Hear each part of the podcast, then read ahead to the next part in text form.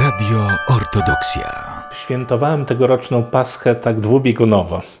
E, początek e, na Bacieczkach, a liturgię świętą w Łomży. E, dlaczego? Dlatego, że zrodziła się taka potrzeba. Tą potrzebę widzieliśmy już przed postem. Bardzo dużo ludzi z Ukrainy przyjechało do Łomży i w okolice Łomży, w powiecie łomżyńskim i w ościennych miastach.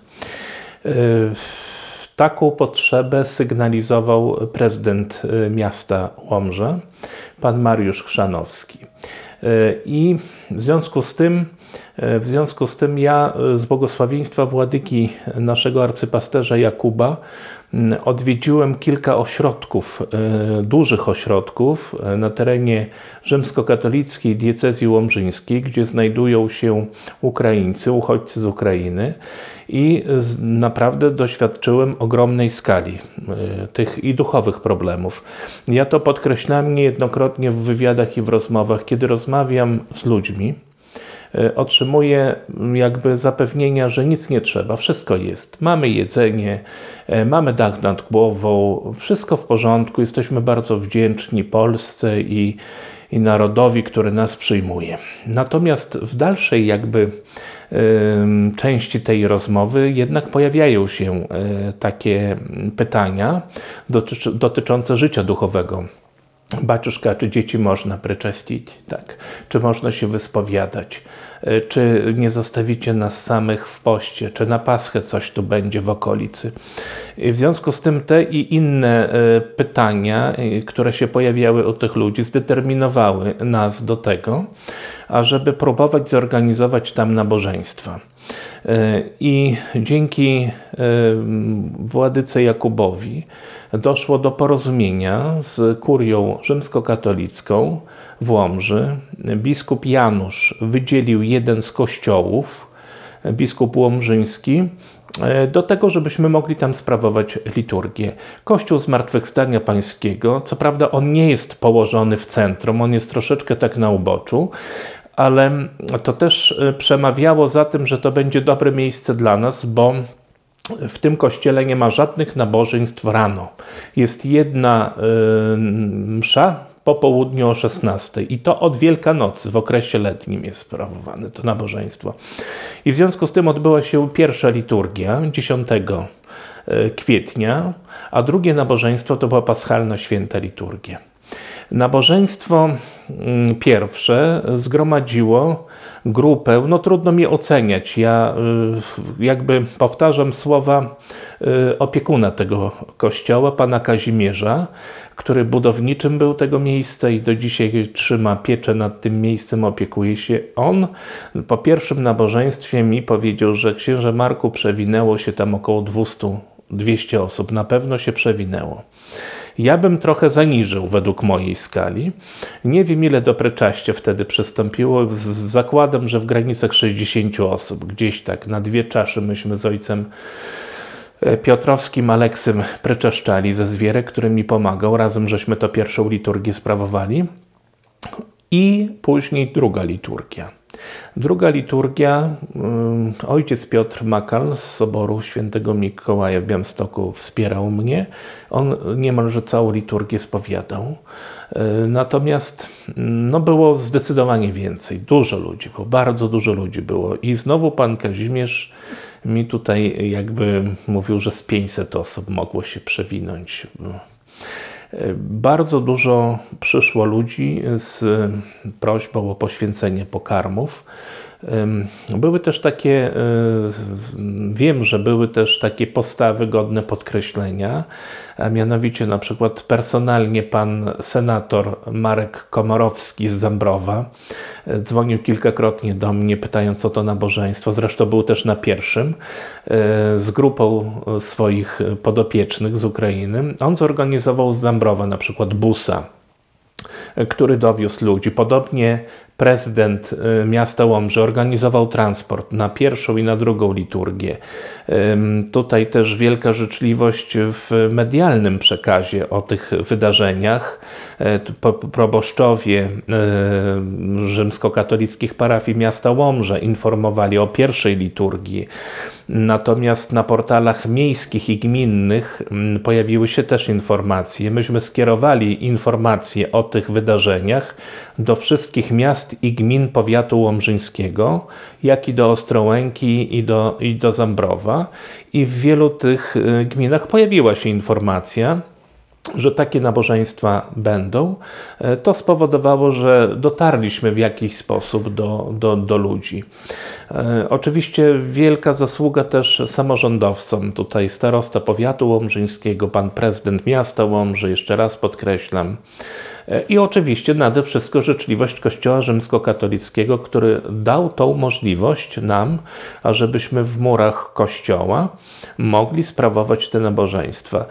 E, oczywiście, ja, każdy, myślę, chrześcijanin podejdzie do tego w ten sam sposób, że inaczej człowiek się modli w ścianach sakralnych, a inaczej gdzieś w przestrzeni świeckiej.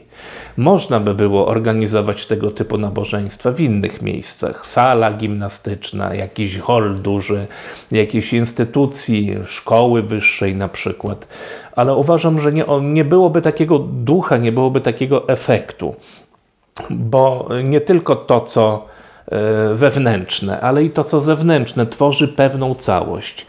I myślę, że ten, ten kościół nadał takiego klimatu y, tym nabożeństwom. Oczywiście my dowoziliśmy anałojczyki na miastkę, robiliśmy naszego wystroju, były ikony też ustawione przed ołtarzem.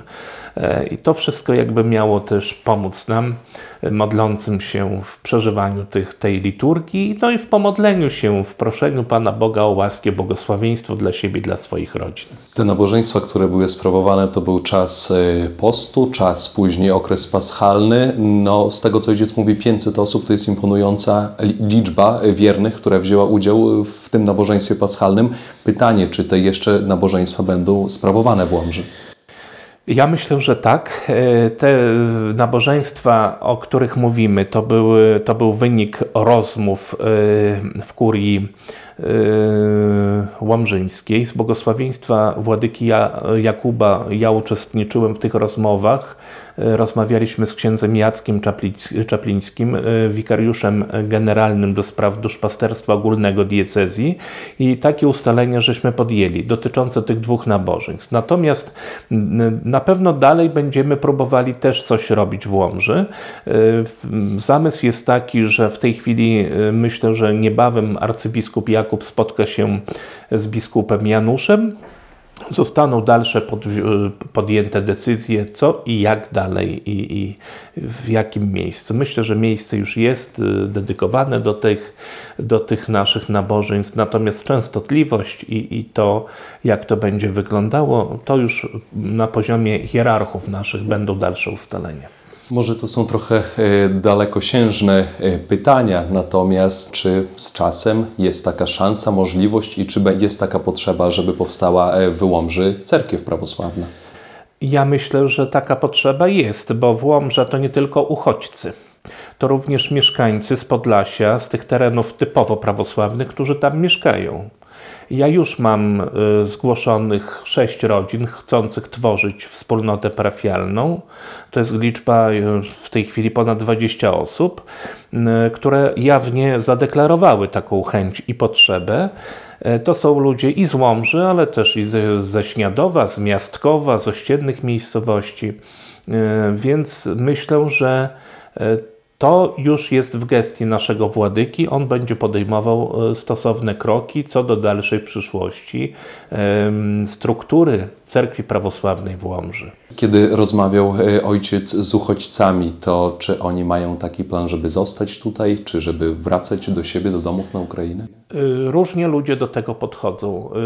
Duża grupa ludzi chce wracać, chce wracać, natomiast nie wszyscy mają do czego wracać.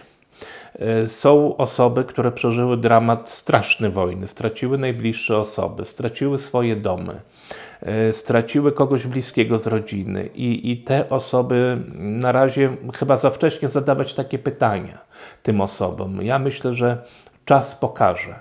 na pewno wie- duża część tych ludzi będzie wiązać przyszłość z Polską. Y, Z tego powodu, no, że tutaj Polska im daje y, na start bardzo dobre warunki i bardzo dobry ten start w postaci PESEL-u, w postaci możliwości pracy, edukacji, kształcenia, ochrony medycznej. Więc to wszystko jakby stanowi tutaj y, podstawę do tego, że pewnie pewna grupa, trudno dzisiaj mówić, myślę, na tym etapie jaka w skali i regionu, i Polski zostanie. I ostatnie pytanie. Czy padają takie pytania e, skierowane do ojca, dlaczego Bóg dopuszcza do takiej tragedii, jak się dzieje teraz na Ukrainie?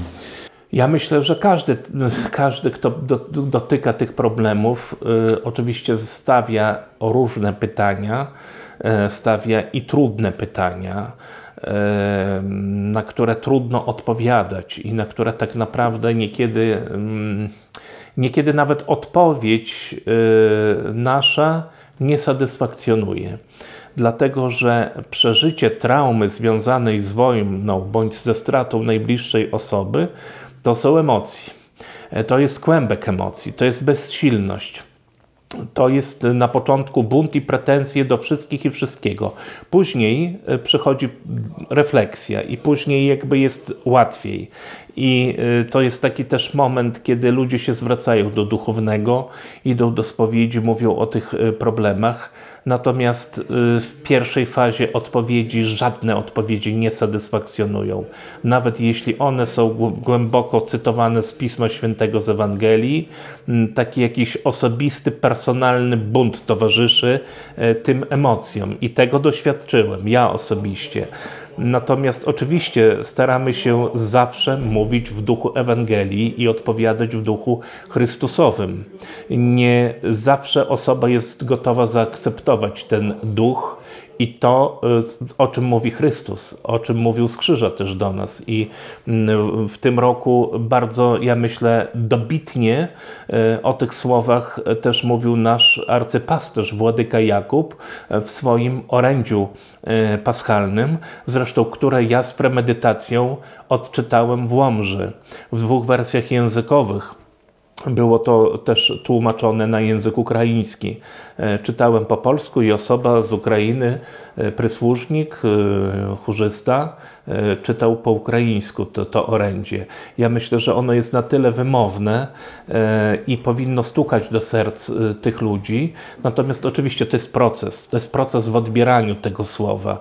Nie wszyscy może są na tyle gotowi teraz przyjąć to wszystko do serca, ale głęboko wierzą, że idąc pewnymi krokami w przyszłość, to będzie bardziej czytelne i zrozumiałe. Radio Ortodoksja.